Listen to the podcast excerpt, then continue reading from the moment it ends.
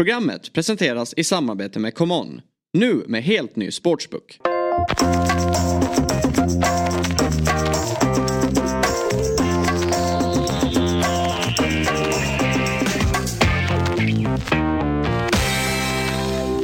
Välkomna till Eurotalk Weekend. Jag sitter här med Sean och vi fick ju lite att fundera på. Dels eh, saker och ting vi pratade om förra veckan när vi debuterade tillsammans. Eh, eh, och sen så hände ju grejer som någonstans var kopplat till det vi pratade om. Eh, det smällde ju till rätt så rejält får man väl ändå säga. Det känns ju som att det har hänt en hel del på en vecka bara. Det känns som att mycket av det vi pratade om, lite spåkula. Eh, mm.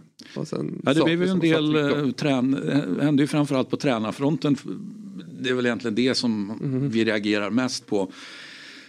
Sen är ju transferfönstret, vi, vi är ju någonstans snart i kölvattnet på det. Vi ska rapportera, eller vi ska inte rapportera men det ska rapporteras in de sista Eh, liksom eftersläntrande på något sätt eh, affärerna eh, och avvaktande kallade du det förra, förra gången. Men jag säger att eh, Ja, men det är som det ska vara. Det ska inte hända så mycket om saker och ting är bra skötta. Men det har ändå hänt lite grejer. Vill du börja prata eh, det som hände på tränarfronten? Ska vi ta det först? För det är väl ändå det vi har ägnat mest tankeverksamhet åt. Ja, nej, men precis. Så det är väl två, två, två tränare främst då som, som jag tror inte någon har uh, undgått att missa. Och då tänker jag väl um, först och främst på Xavi. Mm. Um, efter Barcelonas förlust mot Villarreal där på hemmaplan med 3-5 efter en riktigt märklig match. Uh, det var ju sju mål i, i andra halvlek. Varav Barcelona ledde matchen fram till 84 minuten med 3-2. Och sen så vart det en eh, kollaps utan dess like där man släppte in tre mål på, på cirka 10 minuter då och förlorade matchen med, med 5-3 på hemmaplan. Eh, ett haveri försvarsmässigt, egentligen från båda lagen men främst Barcelona. Och sen eh, direkt därpå så så stiger Xavi fram och meddelar sin avgång. Och här har jag lite olika tankar. Det kan ju vara så att han har självinsikten att ja, men jag kan inte rodda det här, jag kliver av. Och, och, och, och, och liksom då, det som får bägaren att rinna över någonstans är att det ser ut som det gör. Så du, beslutet är inte nödvändigtvis taget utan men han får det i nyllet så att säga. Att men titta som mitt lag spelar, okej okay, I'm out. Lite så. Jag är ju en tolkning. En tolkning. Jag har en annan take på det i och med hans legendstatus att ledningen kan ha sagt att gå ut själv.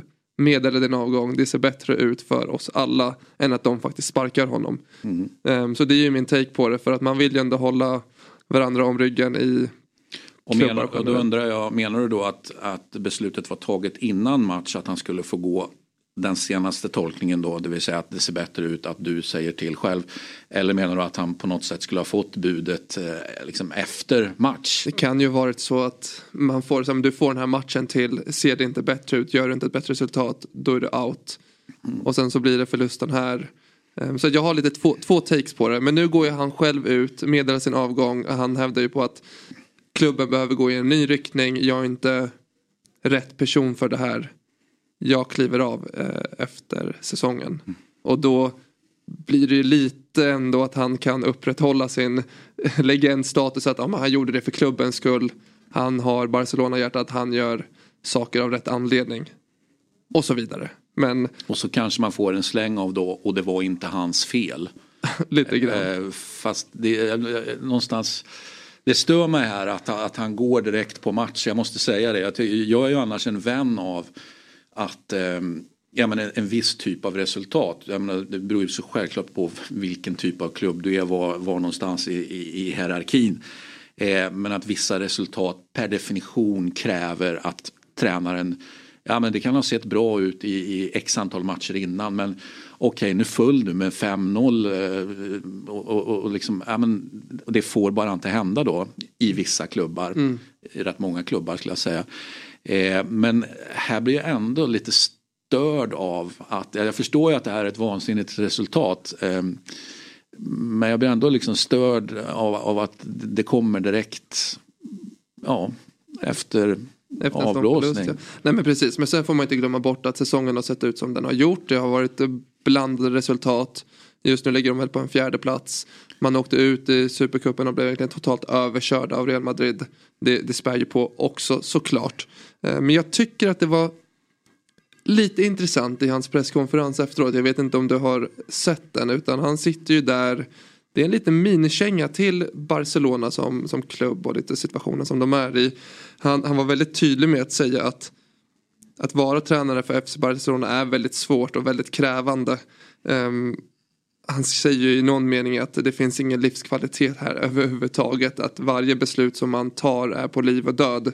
Mm. Och han sa ju också att det här gäller inte bara mig. Det här gäller tränare genom åren på sistone också. Han tar upp Pep Guardiola som exempel. Ernesto Valverde som exempel. Och Luis Enrique. Um, och flagga för att det är någonting kring klubben men också från medias håll och medias tryck på Barcelona som inte är hållbart för nästa tränare som kommer komma in. Och att man tillsammans behöver gå en ny riktning för Barcelona men också för spansk fotboll för han hävdade ju på då att Barcelonas eh, storhet representerar ju ändå spansk fotboll i, övrigt. Så det var ju lite intressant för att Pep Guardiola fick ju sen frågan i en presskonferens någon dag efter. Eh, vad, vad, han, hur han såg på, på det hela och Chaves avgång. Och han hävdar ju också på att han kliver in och säger att jag vill inte göra jämförelsen av trycket jämfört Barcelona eller City eller att vara pressad som tränare där kontra här. För han vill inte gå in på det men han säger ju också att han förstår att han förstår Xavi och att pressen som är i Barcelona som fotbollstränare inte är ja, men, human. Det är lite, lite men, spännande. Ja, men, men samtidigt, eh, jag är så förvånad, eller hur? Mm. Inte alls. Jag menar att pressen är stor i en av världens största klubbar. Jag menar, ja, men tjena eh, Xavi, det, det är liksom, eh, du, du må tycka vad du vill om att det är ohållbart Xavi. Men det är ju så det är och det vet du om. Du har ju trots allt spelat i klubben där ju jag menar, det, det har ju inte saknats press där direkt då, även om du gick ja, men bra stora delar av hans karriär får man ju ändå säga. Så jag kan ändå bli lite irriterad på att, ja, men att pressen är så stor. Ja, men det förstår ju alla att den är. Antingen pallar du den eller så pallar du den inte. Och är det verkligen pressen som gör att det här inte har funkat eller är det att du inte är en tillräckligt bra tränare? Jag håller med dig. Jag, jag ska ju vara helt ärlig och säga att min personliga bild av Xavi, jag gillar inte honom. Han är arrogant och det var han redan som spelare. Han tog med det som tränare också. Så att jag sitter ju lite skadeglad liksom över att han ändå inte lyckas. Det måste jag ändå vara ärlig med att säga. Sen så, nej, nu ska vi inte bara hoppa över det men jag tycker ändå det är lite intressant med tanke på Klopps intervju där han själv också går ut och meddelar sin ja, men att han lämnar. Eh, han, han nämner ju ändå lite parametrar med att det är mycket, att han inte mm. har tillräckligt mycket energi kvar och mm. hela den biten då som han eh, tar upp. Och nu, nu frågar jag dig här lite, men känns det, kan det vara så att tränarna i liksom, dagens klimat, dagens läge utstår mer än vad man gjorde tidigare som tränare? Vad, vad, vad är din take på det? Ja, men det är en annan mediesituation såklart men det, och, det, och det är det ju för spelare också. Det, det är, ju, är, ju, mer påpassat. In, ingenting försvinner ju undan eller blir rapporterat dagen efter som det var en gång i tiden. Om det ens blir rapporterat. Ja, men nu är ju allt rapporterat på, på tre minuter. Liksom. Så att, det är klart att det är annorlunda. Är, är det så mycket krångligare? Nej, jag är inte så säker på att det är det. Men, mm. men ehm, jag menar, om du jämför med Klopp då har du ju ändå en hel liksom att han kan få slut på energi. Han har ju en lång karriär för guds skull. Han har en lång session i Liverpool. Klart jag kan förstå att energin, att han behöver liksom ladda där.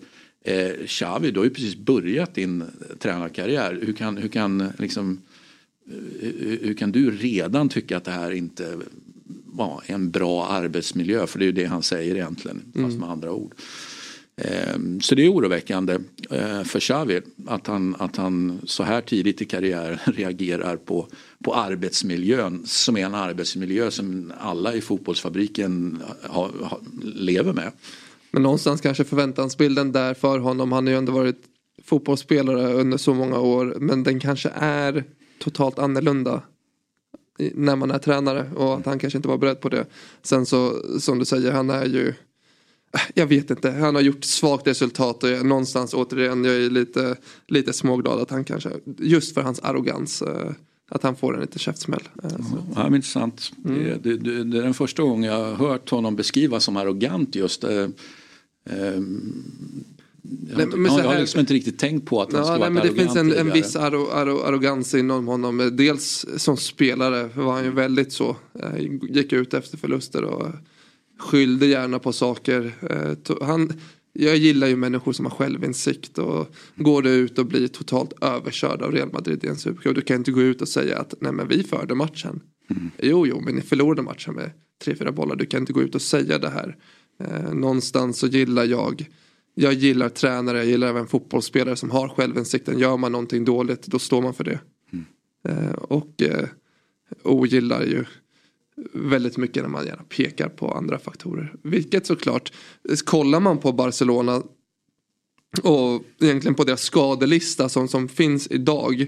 Den är ju rätt eh, anmärkningsvärd till hans försvar. Ter Stegen, Balde, Alonso, Sergio Roberto, Inigo, Gavi, Rafinha. Jao Felix har varit borta väldigt mycket under säsongen. Och då tänker jag direkt på hur är hans förhållande då till den medicinska staben. Mm. Den ska ju du någonstans eh, i den bästa av världar som tränare faktiskt styra och kontrollera. Se till att skadelistan inte är så lång att du inte pressar på för att få dem tillbaka i spel eh, för snabbt och så vidare. Så det är inte så att man är helt det här med skador, mm. tycker, det, det, är så lätt, jag säger inte att du säger det nu men det är så lätt att säga att eh, och jag, jag, säger också ibland, ja men, ja, men, ja men det har varit skadedrabbat liksom. Men, men, men, man är också ansvarig för, för, eh, för skadesituationen. Om inte annat, om du tycker att du har en, en trupp då som inte är tillräckligt bred, ja men du, det är din förbannade skyldighet att säga till sportchefen i det fallet att vänta nu här här behöver vi faktiskt ha eh, tre bra eller fyra bra spelare till. Um... Sen ska det sägas att jag såg en lista på att sen Xavi eh, anlände, anlände till Barcelona så är faktiskt Barcelona den klubb som har spenderat mest i transfersummor då eh, av alla spanska lagen så att han har ju ändå fått möjlighet att de har ju värvat in mm. sen han har kommit. Sen eh, delaktigheten för honom i spelarvärvningar, det vet man ju inte. Eh, men eh, han har ju ändå fått spelare.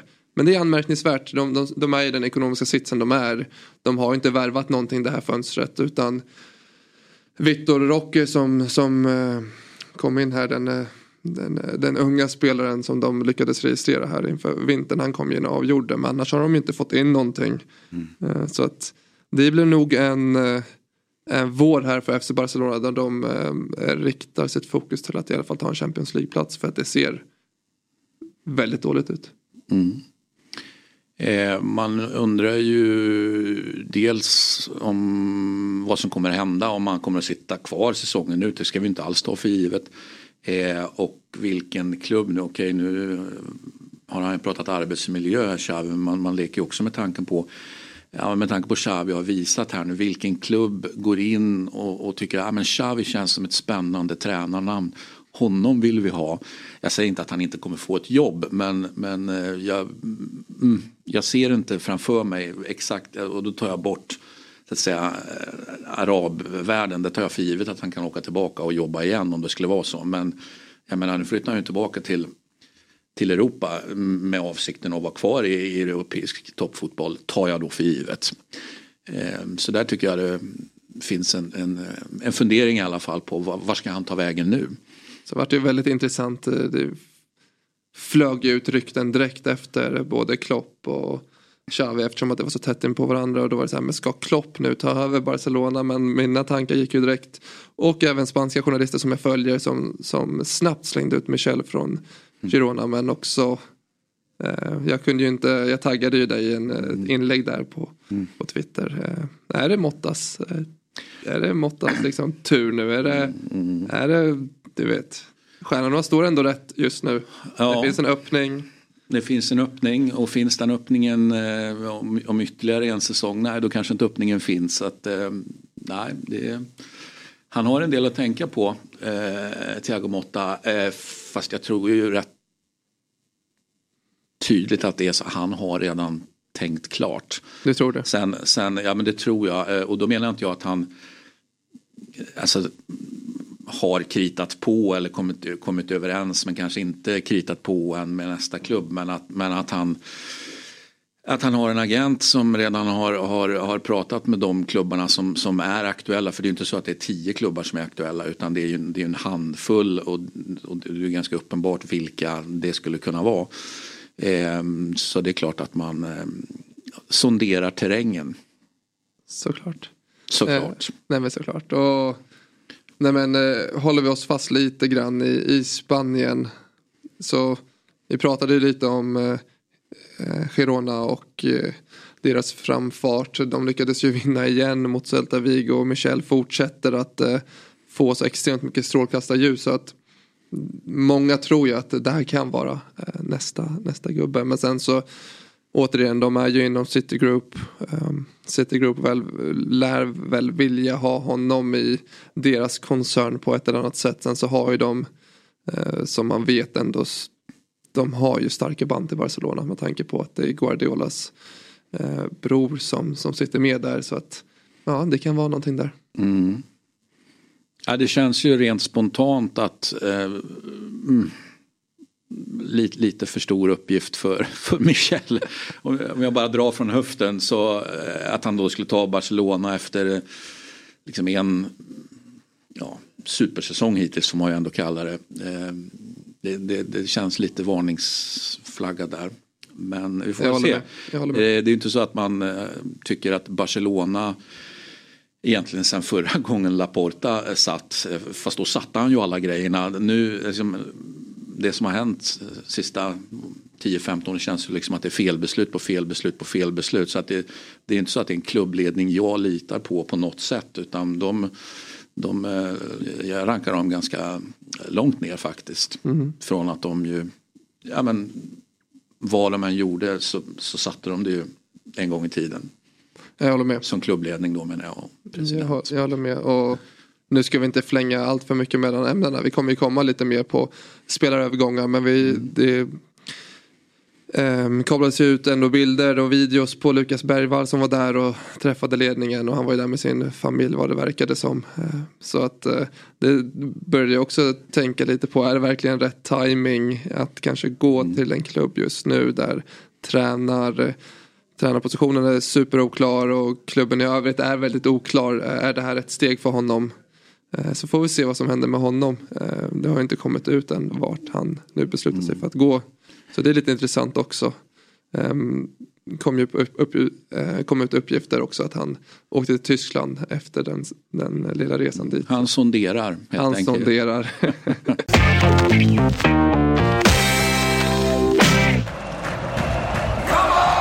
Den är här nu.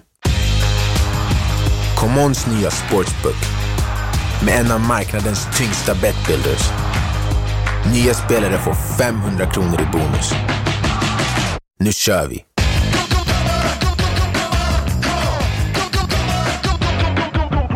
plus. Regler och villkor gäller.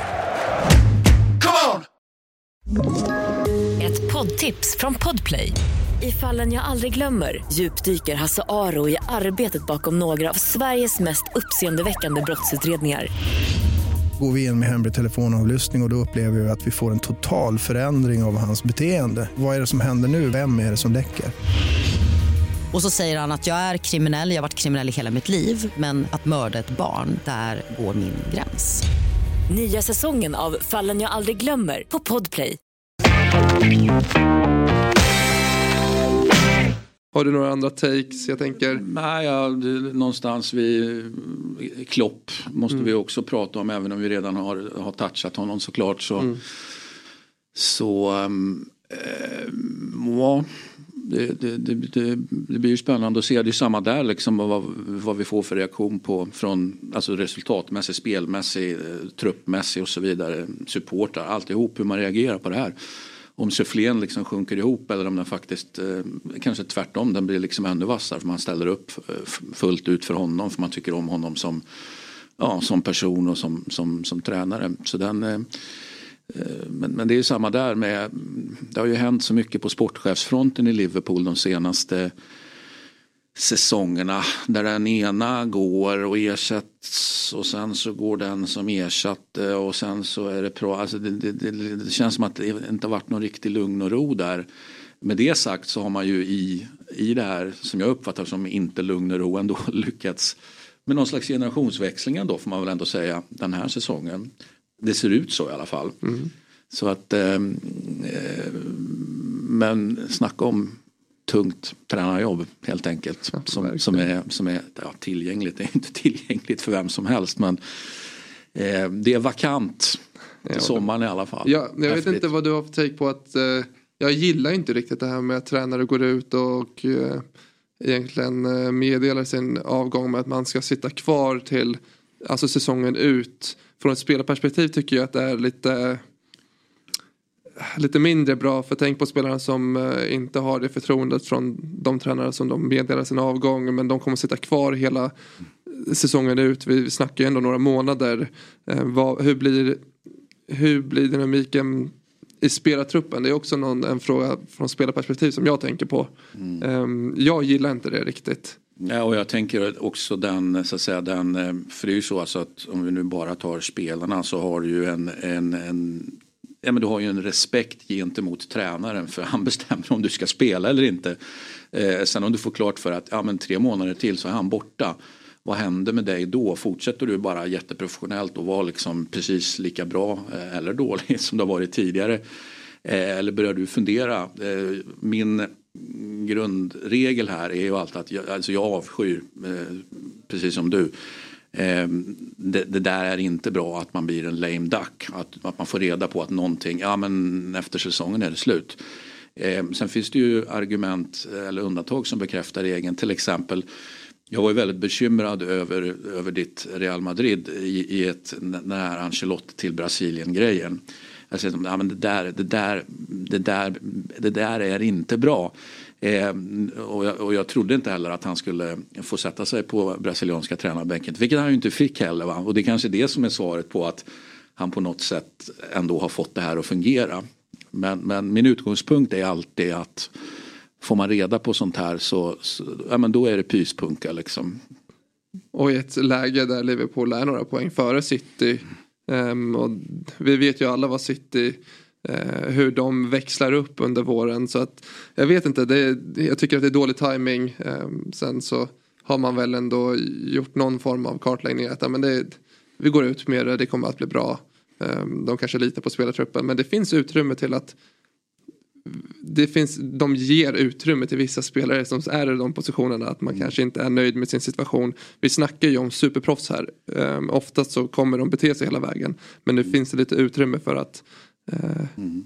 Och för att jämföra situationerna så är jag ju mycket mer positivt inställd till eh, alltså, jag, jag, gillar inte det som hela Xavi-grejen den, den känns instinktivt, ja, men den känns inte bra.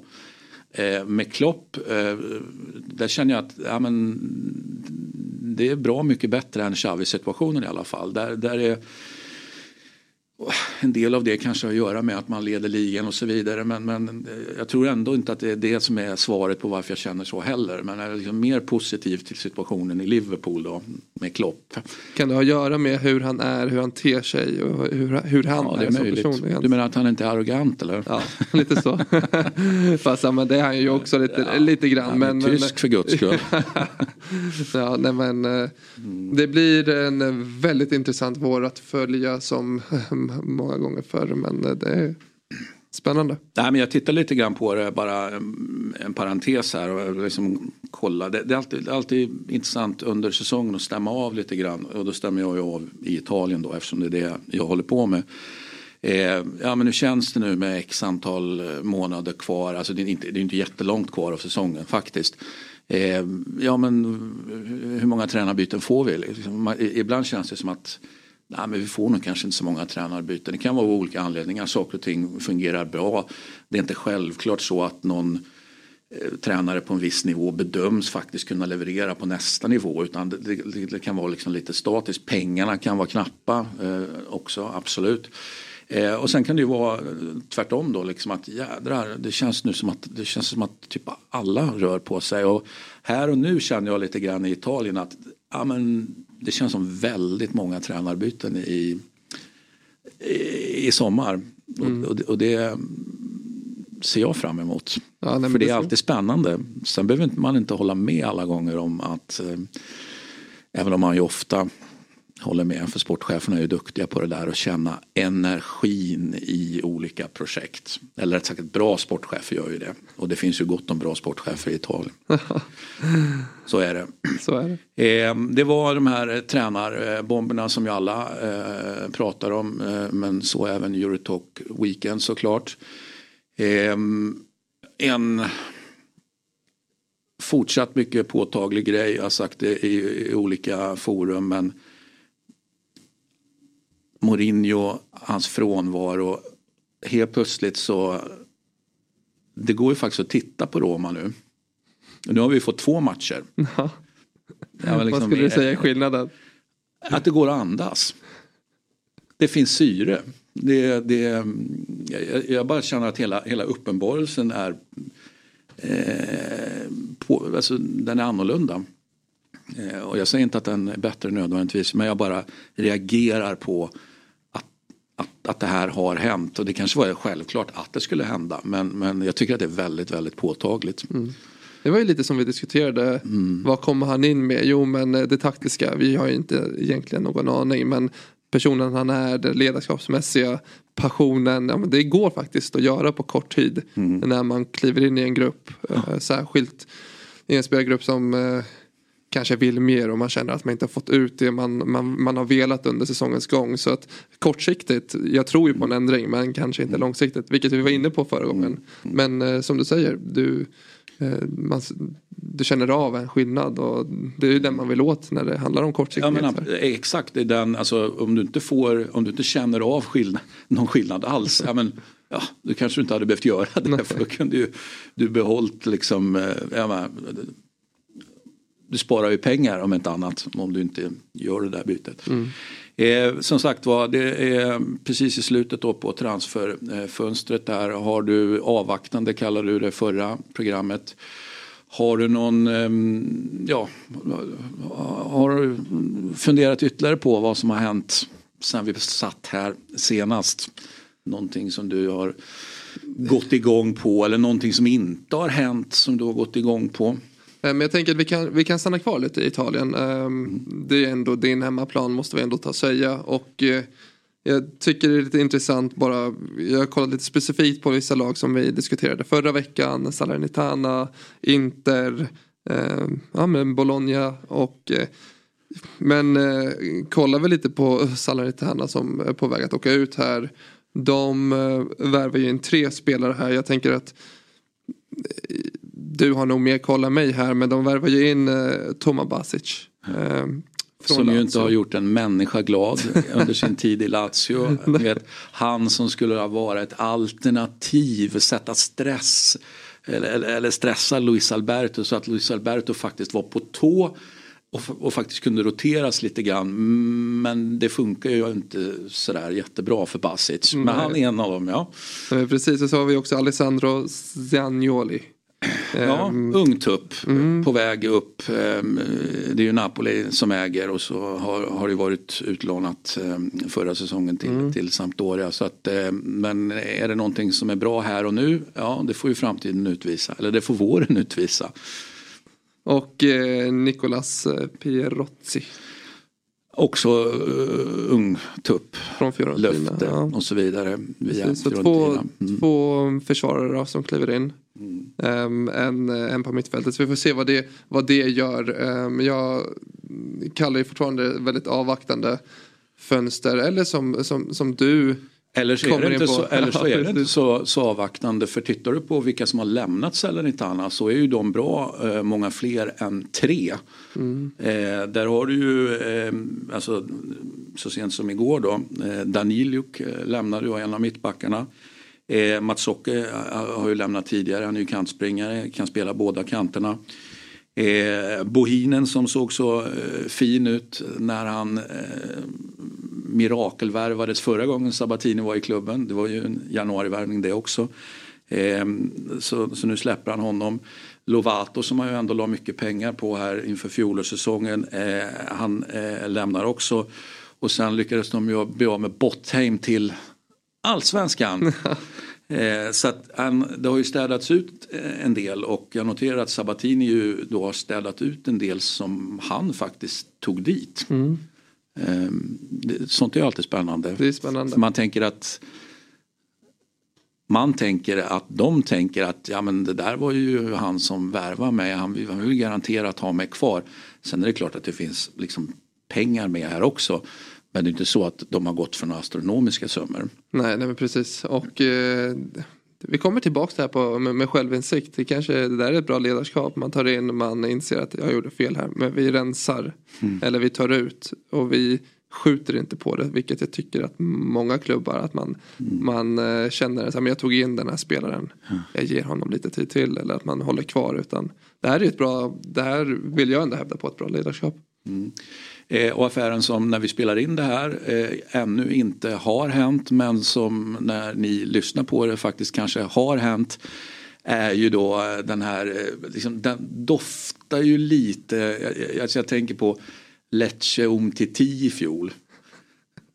Boateng till Salernitana, det är ju så här, vänta nu, Umtiti, Lecce, liksom, det, det, det, det är ju en affär som inte ska kunna ske. I samma Boateng Salernitana, ja, men det är ju en affär som inte ska kunna ske.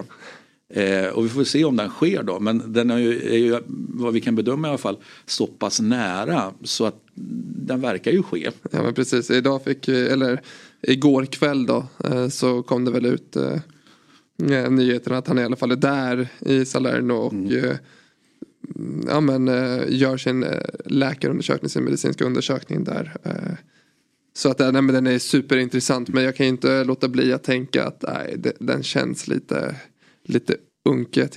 Jag, vet, inte vad den kommer ge för effekt men... Vad kände ja. du om Titi förra säsongen till Lecce då? Kändes den unken också?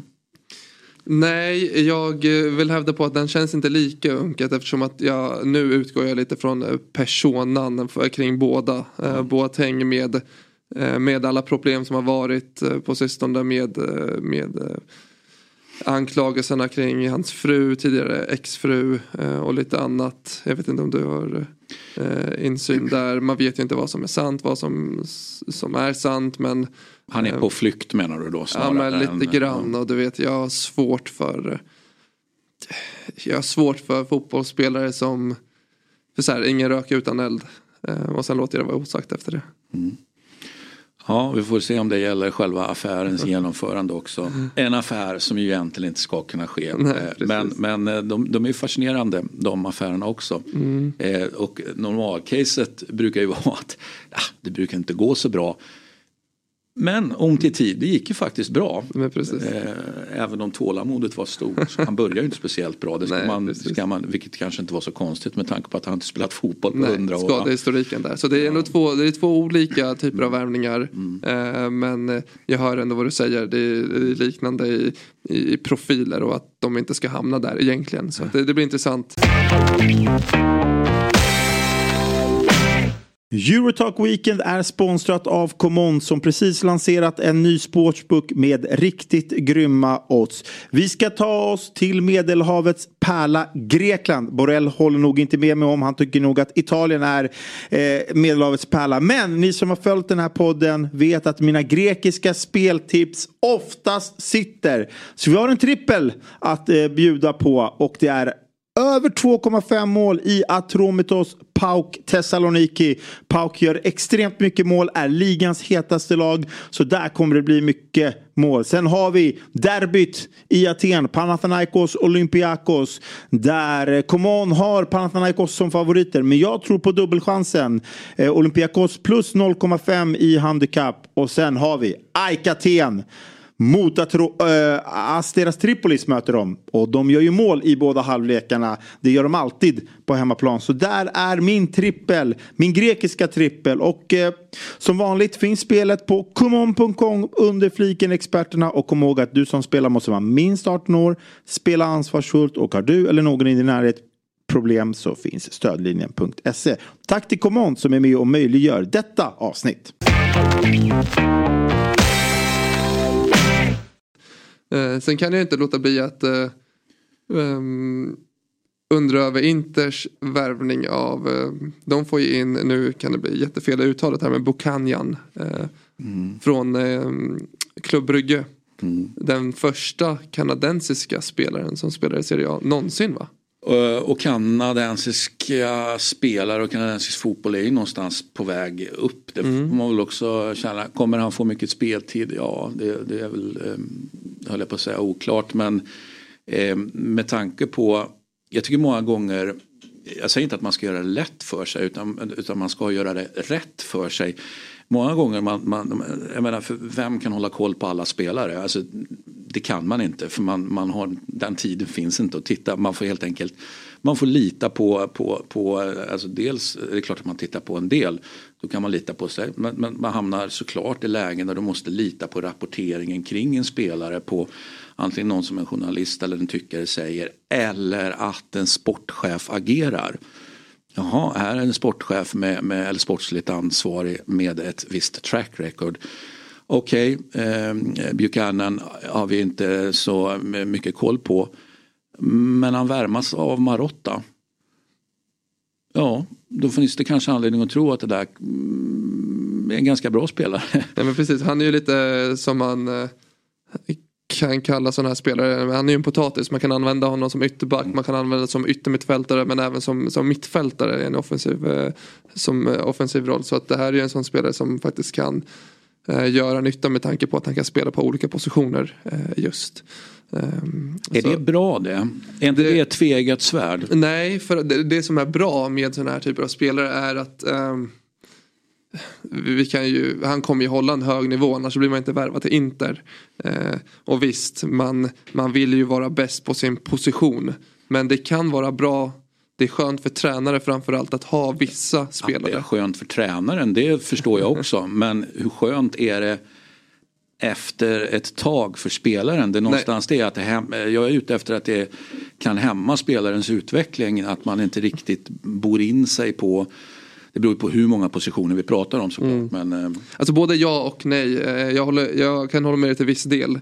Men när det gäller unga spelare och eh, där det är superviktigt att få speltiden. Mm. Att få komma in och kan man då kan man då spela på många olika positioner så kommer ju chanserna öka för speltiden och att komma, ja, men, få en extra chans, få en extra chans. Så att eh, jag kollar på spelarperspektiv, spelarperspektivet där i i alla fall vad gäller unga spelare så ser jag positivt på det.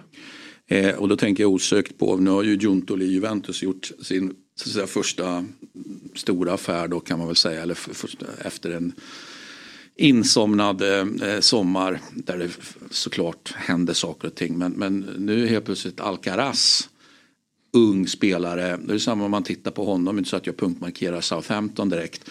Eh, man tittar på honom och, och säger, men eh, okej okay, vad har vi för positioner nu då?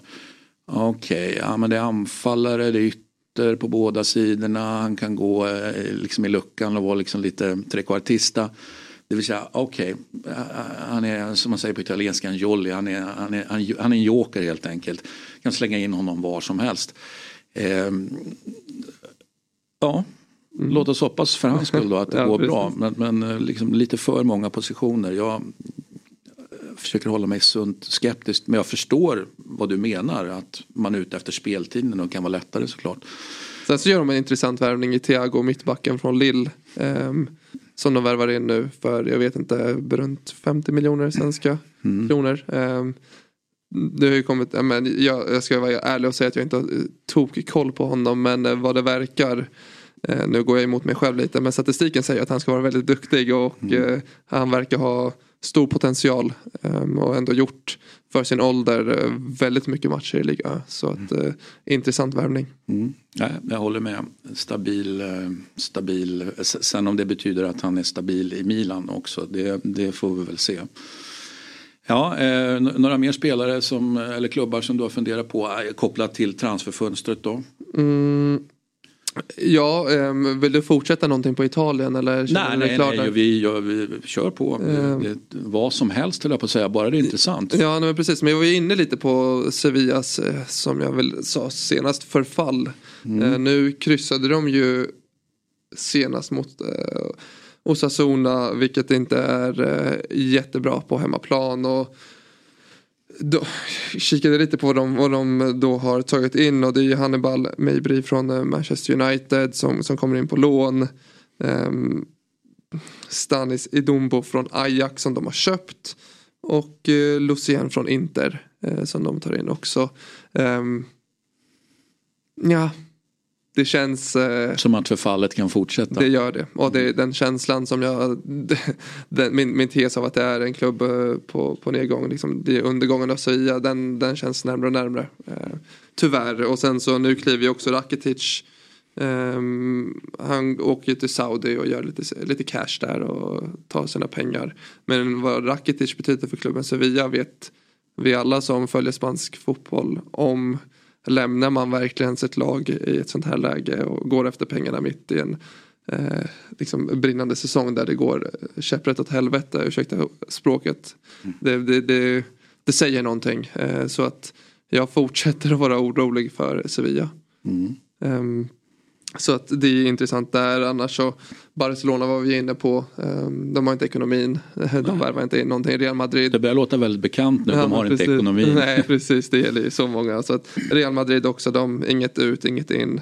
Ehm, så att ja, jag har tagit till mig det du säger. Jag har ju sagt ett avvaktande fönster men det är ju också ett eh, aktivt val att vara avvaktande också. Så att det kanske är ett beslut i sig också. Mm. Ehm, men annars så Um, har jag faktiskt ingenting mer som jag tyckt varit uh, mer intressant vad gäller Italien och Spanien. Um, så. Nej, du har något annat? Nej, jag, jag, jag, finns ju vissa, eller jag tittar ju på alla italienska mm. fönster såklart. Va? Men det, det, är klart att det finns vissa där som jag, som jag följer lite extra noga. Ni vet ju vid det här laget vilka de är. Ehm, att Lecce är, ett och att Bologna är ett annat och att Sassuolo är ett tredje. Det är liksom ganska uppenbart. Så att ehm, ja men där, där har vi hänt hänt ju saker på, på, på alla tre fronterna. Ehm, eh, och sen om de, eh, alltså, det finns sportchefer här som man kan lita på. Den situationen som kanske sticker ut är ju att Ja, men Lecce är väl ungefär i den liksom, situationen tabellmässigt, spelmässigt som man hade tänkt sig inför säsongen som man kunde vänta sig. Eh, man kanske till och med kunnat vänta sig eh, liksom, lite sämre ändå. Eh, Bologna eh, är ju där man har tänkt sig att de skulle vara, det vill säga att det här det skulle gå bra den här säsongen. Sassuolo är ju, har det lite jobbigt nu och där har vi ju också en, en eh, man kan alltid diskutera vad en långtidsskada är men nu har vi i alla fall, rapporteras det i alla fall minst en månad på Berardi. Eh, och ehm, det, det, var ju liksom fastställt inför matchen helgen som gick och, och jag var liksom nyfiken på att se hur man skulle, alltså hur övriga spelare skulle reagera där. Att liksom jag säger inte heller att det tidigare har varit så att ah, men, de har litat på att Berardi ska lösa det. För jag, tycker, jag tycker liksom inte att det är så heller. Men jag konstaterar att det många gånger är så att Berardi har löst det när andra har haft problem med målskyttet. Eh, och nu får vi då eh, när man ligger ja, inte så bra till i, i, i serien så får man den här Berardi-skadan. Så jag tycker hela den situationen är superspännande. Så du flaggar för att de kanske, ja men det är ett getingbo där nere. Eh, det är, fyra det är ett getingbo absolut. Och de har aldrig åkt ur eh, Serie A, Sassuolo. Det ska man också, de, de gjorde ju entré ganska sent då. Men eh, som vi pratade om i något program innan, innan du klev in eh, så, så hade, hade vi liksom en liten Sassuolo-titt då. Men eh, man eh, var ju tvungna att, att, att fixa till, man ju som, höll jag på att säga, som vanligt. Det är bara en fråga om hur mycket eh, Sassuolos eh, backlinje läcker. För att den läcker gör den per definition. För att man spelar på ett visst, en viss fotboll helt enkelt. Eh, men nu blev det ju eh, jakten på, på mittback som sl slutade med Kombulla. Eh, och från min hålla koll på elva då, eh, Doig eh, från, från Hellas Eh, Eh, som ju var aktuell eh, för eh, alla möjliga klubbar. Det har varit, det har varit liksom Torino, bara för att ta ett exempel. Ja, nu blev det ju Sassuolo på Doig så han fick ju spela direkt också.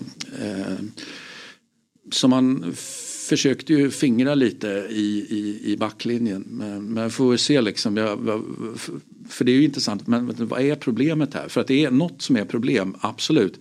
Balansen är problemet det görs inte tillräckligt många mål och det släpps in för många. Så liksom, det här skruvandet där eh, blir väldigt spännande och det är ganska uppenbart i min värld då att Dionisi är en av som gör sin tredje eh, raka säsong då.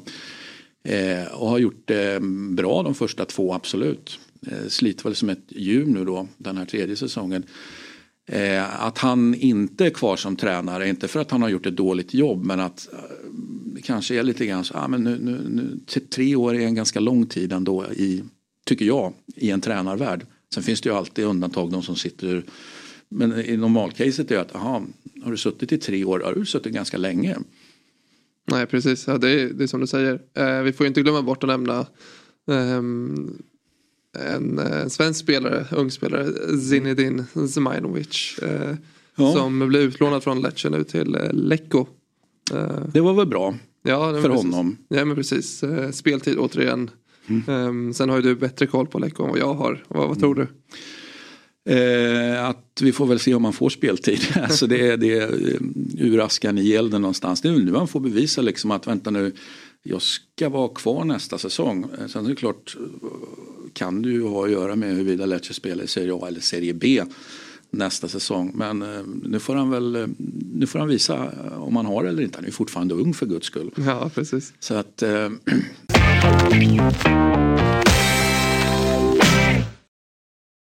Ny säsong av Robinson på TV4 Play. Hetta, storm, hunger.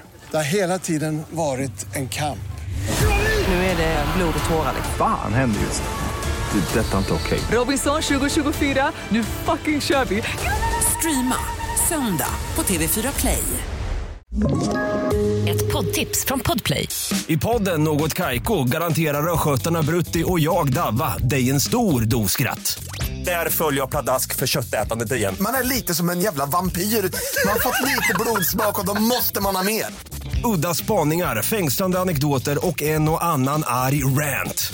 Jag måste ha mitt kaffe på morgonen för annars är jag ingen trevlig människa. Då är du ingen trevlig människa, punkt. Något kajko, hör du på podplay. Därför är gardinerna. Men vi noterar ju också Lagerbjälke och hans eh, än så länge då icke genomförda flytt. Och det verkar ju bli så att det inte blir någon flytt. Eh, trots att han ju Eh, i alla fall i media har bönat och bett om att få, få flytta just till Lecce. Jag reagerar lite när den diskussionen kom för, för mig var det så uppenbart att han absolut inte kan flytta på ordinarie mittlåset. Eh, men, men, och det kanske inte var tanken heller men jag tror Många men, i Sverige tar för givet att ja, men, om, om, han, om han flyttar till Lecce ja, men då ska han såklart spela och vara första val. Men Eh, såklart absolut inte. Utan han flyttar inte på de här två, Baskirotto och, och eh, Pongracic. Däremot behövs det ju backup i... Mm, precis, att kliva in som trea där. Eh, det är ändå en mm. vår som kommer här och skador och avstängningar dyker upp. Så att, men det är som du säger, man, många tror ju att man, man går någonstans, man blir utlånad från en storklubb som Celtic. Då ska man in och spela direkt. Men eh, man underskattar nog mm. eh, ändå klubbar som Lecce eller andra klubbar som han har eh, ryktats till.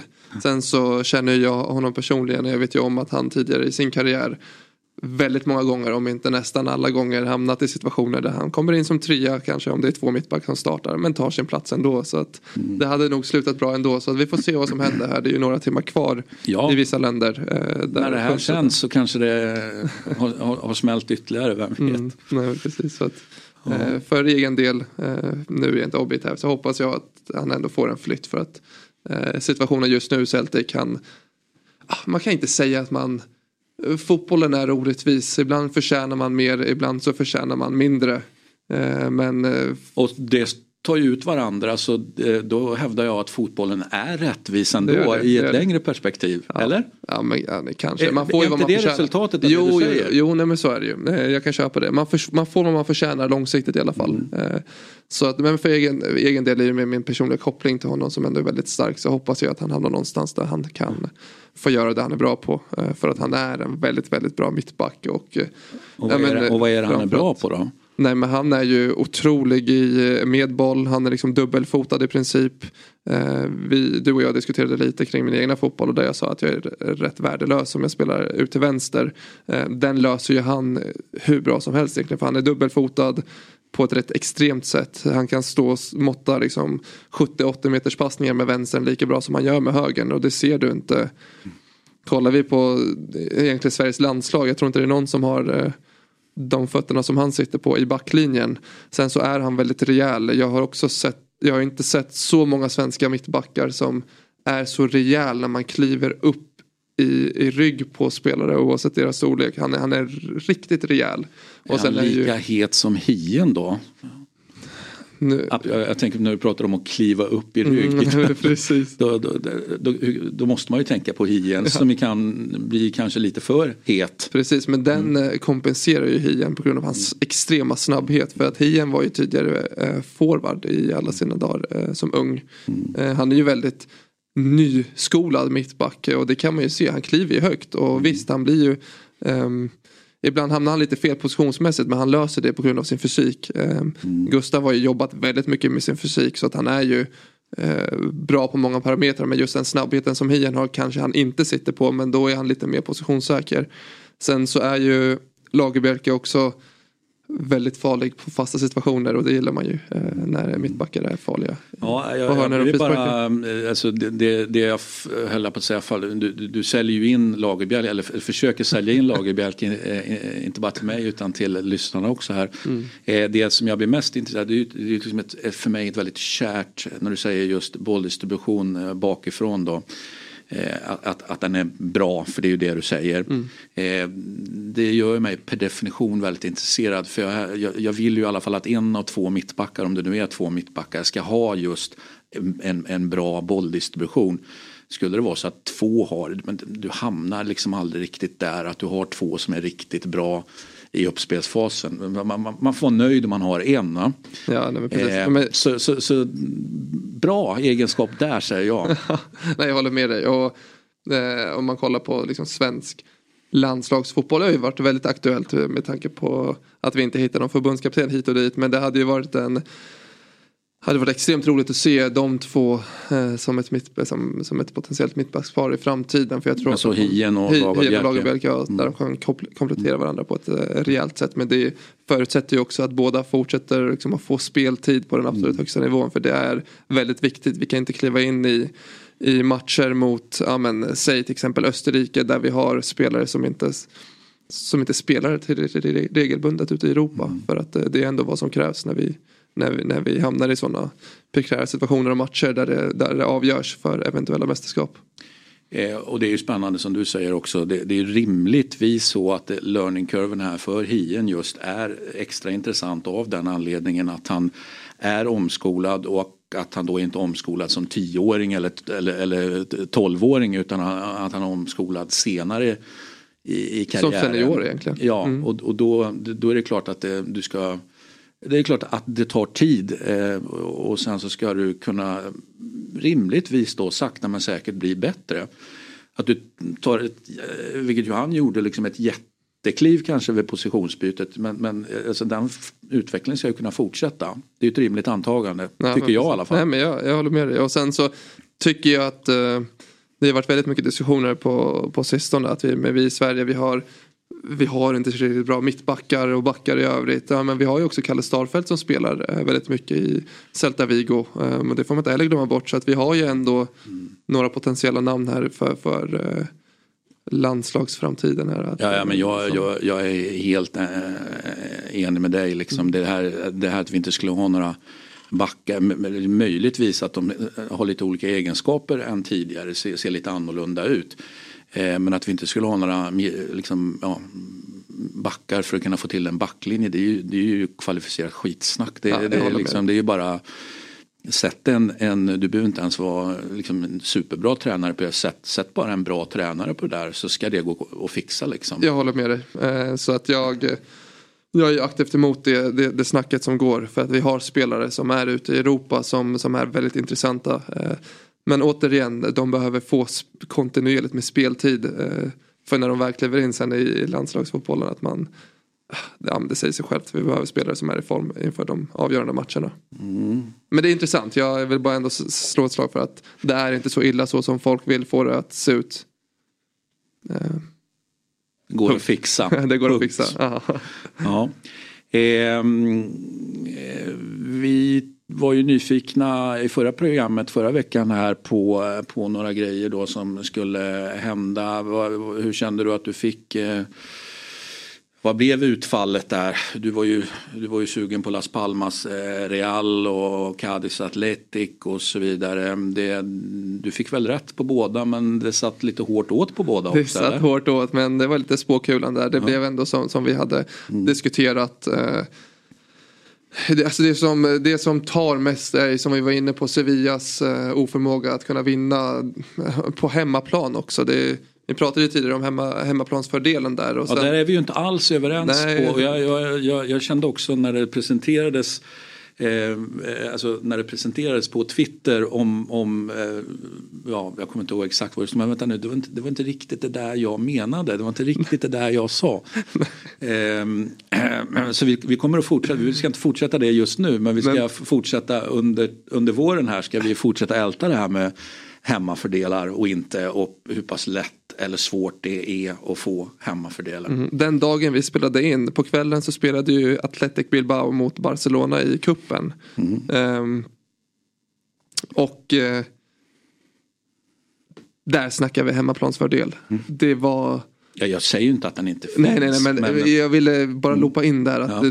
den, dag vi hade pratat om det så att jag kollade. Jag har mm. aldrig aldrig är att ta i väldigt mycket. Men det var länge sedan jag såg ett så kokande San Mames och Bilbao. Det var, nej det var, för att jag har ju uttryckt mig våldsamt. Det var ett våldsamt tryck på San Mames och Inyaki William som hade varit på Afrikanska mästerskapen åkte ju hem när de åkte ut och eh, samma dag flög han hem och började, inledde matchen på bänken och fick hoppa in efter förlängning eh, någonstans där och sen avgjorde han ju Eh, och brorsan också som levererade. Så att, men det var, mm. jag ville bara flika in där att den, den ja, lever men, ändå. Ja, men absolut, ja absolut att den lever och det du touchar på är den, den intensiva känslan att, att, det, att det var eh, liksom de känslorna som det var. Ja, det är ju där någonstans också som eh, motsatsen ligger, det vill säga att du är i en klubb som hamnar i ett läge eh, där du då blir rädd för din egen hemmapublik. Alltså du drar åt det rädda hållet. Du blir, du blir feg, du blir ängslig. Du blir, eh, eh och det beror kanske lite grann på vilka, vilka klubbar man pratar om här. Va? Men, och det kanske är vanligare längre ner i, i, i ja, tabellerna liksom att man kan få det där ängsliga. Eh, men jag känner att jag har fått, jag, jag har sett det många gånger att, att man ja, men typ blir rädd för sin egen hemmapublik. Mm. Det som ska, ska vara en räddningsplanka helt plötsligt bara blir ytterligare ett hinder.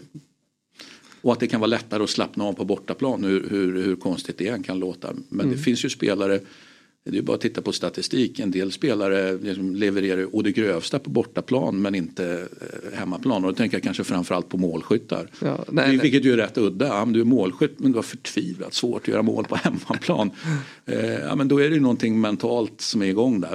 Mm. Nej men jag håller med dig. Det var bara en liten, liten ins litet mm. instick på det vi pratade om eh, senast. Och det var Mm. Det var kul. Ja, men du var, nöjd med, med i alla fall. du var nöjd med den, eh, det som hände i helgen där i alla fall får vi väl ändå säga. Eh, det var ju massa cupfotboll i England så den pratade vi inte riktigt, såg vi inte riktigt fram emot någonting. Eh, Italien har väl egentligen redan kommit in på lite grann så låt oss eh, ta oss fram då till helgen som kommer. Där är ju en del riktiga smällkarameller får man väl ändå säga. Ja herregud det är extremt många toppmöten. Det är liksom ettan mm. mot tvåan rakt av i, eh, på, på många håll. Vi kan väl börja med det som folk tänker minst på. Det är ju Kalifea i Grekland. De vann ju nu senast. Det har blivit mitt lilla mm. case. Ja. Um, har du fortsatt att förkovra dig under veckan? Ja men det har jag. jag Sitt, se, blir det lite Kalifea varje dag eller ja, några grann, gånger i veckan? Lite, eller? lite grann eh, någon gång i veckan nu. Jag tog ju till mig, du och jag pratade lite efter sändning att ja, men, ta ett case och så kör det all in under en längre period. Så jag tog till mig det att ja, men det här får bli mitt lag. For life. For life. Är, är, typ bara för att vara tydlig va? Du, Nej, så... till, till, eh, till tidens ände. till tidens Eller till ände. din tids ände. Ja, men nu blir det, här en, det här blir min klubb nu. Och det blir ju en lite, lite också för att motbevisa Sabri att han tror ju inte alls på dem. Uh, och projektet som är där. Men nu fortsätter de ju. De vann ju senast igen med 1-0 och nu möter de FC Kanya som ligger tvåa i, precis bakom dem. Eh, där de kan göra ett litet ryck eh, och ja, men, eh, komma nio poäng före. Så att den matchen ser jag fram emot men vi har ju väldigt många matcher med. Vi har ju ett Madrid-derby, Real Atletico Madrid på söndagen där det är tredje mötet på egentligen 20 dagar som de möts. Där laget har, lagen har vunnit en gång var så att det är ju hetsigt. Senaste, senaste mötet var väldigt hetsigt och det gillar man ju att se. Du vet när, när just de här derbymatcherna ja, men tänder till och nu har det varit två hetsiga matcher så att det smäller nog på söndag. Mm. Ehm, sen har vi också Liverpool-Arsenal, ettan mot tvåan och sen Juventus-Inter, ettan mot tvåan. Så att, mm. eh, det är klart att man eh, så här, nu hoppas jag att min fästmö inte lyssnar på det här men det är klart att man har eh, ställt in en och annan eh, eh, grej i helgen för att följa de här matcherna. mm. Ja, det kanske blir en, en, en förhandlingsfråga ändå i slutändan. Vi får väl se. ja, kanske. Ja, men äh, häftigt. Ska vi, vi ta äh, Arsenal, Liverpool äh, först. Mm. Äh, som ju per definition blir ju speciell eftersom det här är ju då, ja det är ju inte efter Klopp men ändå efter Klopp. Det är väl egentligen Ja, det är klart att jag kommer att fundera och, och titta på en del andra saker men det, det jag framför allt kommer att, att, att, tänka på och titta på är ju äh, Klopp. Det, det, så är det ju bara. Jag vet inte hur det är med dig. Ja, nej, men jag håller med. Jag håller med. Det blir ju det blir väldigt enkelt så. Det är samma sak med Xavi. Man kommer ju tänka nu hela tiden. Så här, är det här effekten av det som har skett? Men eh, jag, jag vill hävda på att Arsenal har ju inte, de har inte vunnit eh, så mycket på sistone. Och jag tror ju att det här är en riktig sån avgörande match för deras spår, hur den ser ut. Jag tror att de blir, förlorar de här, den här matchen nu som, som de spelar eh, egentligen på som de egentligen, de måste i princip vinna den här matchen annars så hävdar jag på att de blir avhängda ehm, för resten av åren. Jag tror att det blir en liten avtrubbning på dem om de eh, inte jag säger så här, de kan, de kan få kryssa men förlorar de nu hemma, hemma mot Liverpool så... Då är det alltså kört? Ja men jag vill hävda det. Ja. Eh, lite, lite, lite mjukglasspsyke ändå på, på, på klubben senaste åren och eh, även supportrarna som, som, som gärna vill väl, väldigt mycket och vill hävda sig när det går bra. Men det här är ju en sån match som jag tycker är eh, avgörande för deras vår. Mm. Så den är superintressant. Ja, och du vet att jag är en av supportrarna. Jag vet. Ja, eh, jag, så vill, jag, jag vill bara... Nej, men jag, ursäkta för det. Jag har ju väldigt mycket nära vänner som är Arsenal-supportrar som har mm. överöst mig alla åren men det händer ju liksom ingenting. Så att eh, det finns ju mycket, mycket prat om att uh, Liverpool-supportrar är på ett sätt men jag vill ju hävda att Arsenal-supportrar är kanske snäppet värre. Men du kanske inte ingår i den kategorin. Nej, nej jag, jag, jag, det var intressant att höra. jag, jag, jag har ju en, en egen bild, dels av säga, mina supportrar men även då motståndarsupportrarna. Vi lägger den så här, jag, jag gör om min formulering. Det är den nya generationen av eh, Arsenal-supportrar ja, som ja, kanske det, inte... Ja, det, ja. Men sen så måste jag ändå säga så här, om man kollar rent konkret på Arsenal. Jag tycker ju inte riktigt att de har den spelartruppen för att eh, slåss om ett guld. Så jag tycker ändå att de gör en fantastisk säsong. Jag vill ju någonstans så som jag pratade om förra veckan. Jag vill ju faktiskt att de vinner. Eh, och att de utmanar City och Liverpool på riktigt. Och att de håller i det under våren. Men, men jag har svårt att se det. Jag, jag tycker inte att de har det materialet som, som krävs för att faktiskt vinna. ett guld i England. Men vi får se, jag hoppas att det blir eller vi får hoppas för din skull att jag blir motbevisad. Det var ord och inga visor från Sean där. Eh, ja, eh, ser fram emot matchen eh, definitivt. Eh, och sen måste vi väl titta lite extra på Derby d'Italia också. Mm.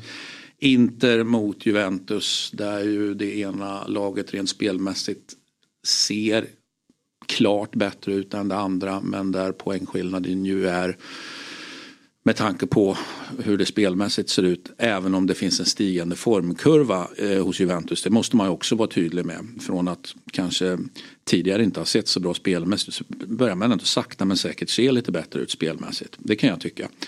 Eh, men Inter eh, ser ju riktigt bra ut spelmässigt. Så att, eh... De har väl inte förlorat en match sen eh, Bologna Ja. För en månad sedan, eh, mer än en månad sedan blir det ju. Eh, så att ja, deras form och eh, med tanke på det du sa också, de är egentligen det bästa laget i Italien. Så, mm. att, så då har de också allt att förlora då? Fast ändå inte. De har en match mindre spelade än Juventus mm. och de är en poäng före. Så de har ju råd att... Råd. De, de, de, de har råd att förlora den här matchen men fortsätta... Eh, de ligger från ett om de förlorar. Men, eller det gör de inte för att Juventus går om. Men de har råd att eh, jag, jag, tycker att eh, kollar vi på Arsenal och Liverpool situationen så behöver Arsenal vinna. Om de ska gå för guldet.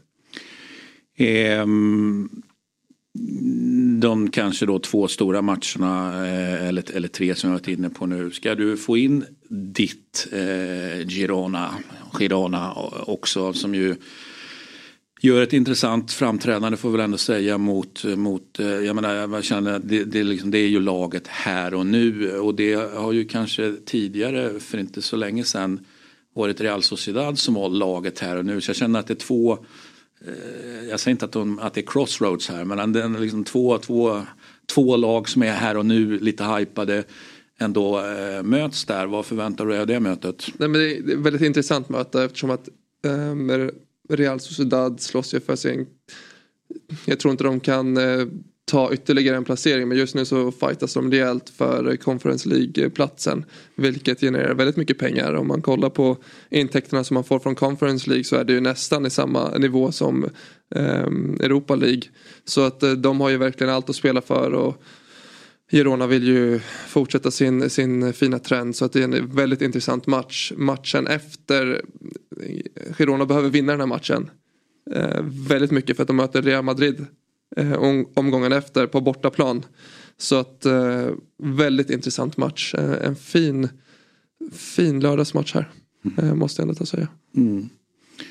Eh, och eftersom vi inte vill vara, eh, eftersom vi vill ge fransk fotboll den cred fransk fotboll ska ha så får vi också nämna att eh, söndagskvällen då bjuder på Ja, vad som kan bli väldigt infekterat. Det, det, har ju varit infekterat och vi vill inte gå in på vad som har hänt när man har mötts här. Tränare har ju fått gå och tränare fick, fick eh, sten i ansiktet och så vidare. Lyon mot Marseille där ju Lyon är eh, fullt ut bedrövliga och Marseille det där ständiga, alltså inte bedrövliga men bedrövliga på så sätt att de all, inte i modern tid i alla fall, liksom lyckas ta det här sista steget det känns som att ja, det finns så mycket pusselbitar på plats men det är ändå någonting, alltså att få ihop de här pusselbitarna till en, till, en, till, till en riktigt bra helhet som faktiskt utmanar om ligatiteln. Det blir ju inte riktigt så. Nej och särskilt inte i år, de ligger ju på nedflyttning, eh, eller kval till nedflyttning då.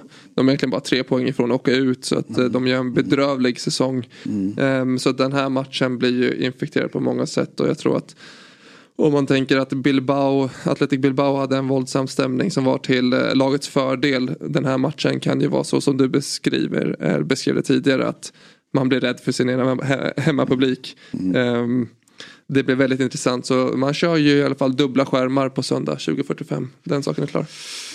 Ja, dubbla skärmar. Eh, det får väl bli slutorden helt enkelt. Så får du hem och eh, berätta för fästmön då. Breaka nyheten eller ta förhandlingen. Mm. Eller det kanske blir både och där. Ja, Breaka nyheten, ta förhandlingen och tredje steget är att se ja, vad blir det för resultat här nu. Det är lite av ett Seans transferfönster kan man säga här. man får jobba smart. En gång så, vi har ju, vi har ju hund. Så ja. en gång så blev hon lite semilack på mig för att jag då roddade en massa för att hon förstod då att ja, men det här är för att du ska kolla på fotboll. Då sa hon så här, du rastar mig alltså på dagen så att du kan kolla fotboll på kvällen. Exakt som vi gör med vår hund Bonucci. Och då säger jag, Kalla det, om det, om kalla det om det är det du vill. Jag kommer inte att säga det. Det är dina ord. Men jag hittar en lösning. Mm. Bra. Bra namn på hunden under alla omständigheter. Eh, må, må han leva lyckligt och länge. Precis som Matte och Husse. Eh, och med de orden eh, så eh, tar vi helg, eller hur? Va? Och yeah. du ska mm, Ja, du, du, du, ska ju träna och sånt nu för du har ju, du har ju blivit med klubb. Jag har blivit med klubb så att eh, jag landar hos min före detta tränare. Så att det är division 1 här så att jag hoppas på att göra så med Leachholm spåret. Att ta två steg bak och sen så ska man flyga igen. Bra där. Eh, tack Sean eh, och vi tack syns själv. nästa vecka. Tack för er som har lyssnat. Eurotalk Weekend såklart tillbaka eh, nästa vecka.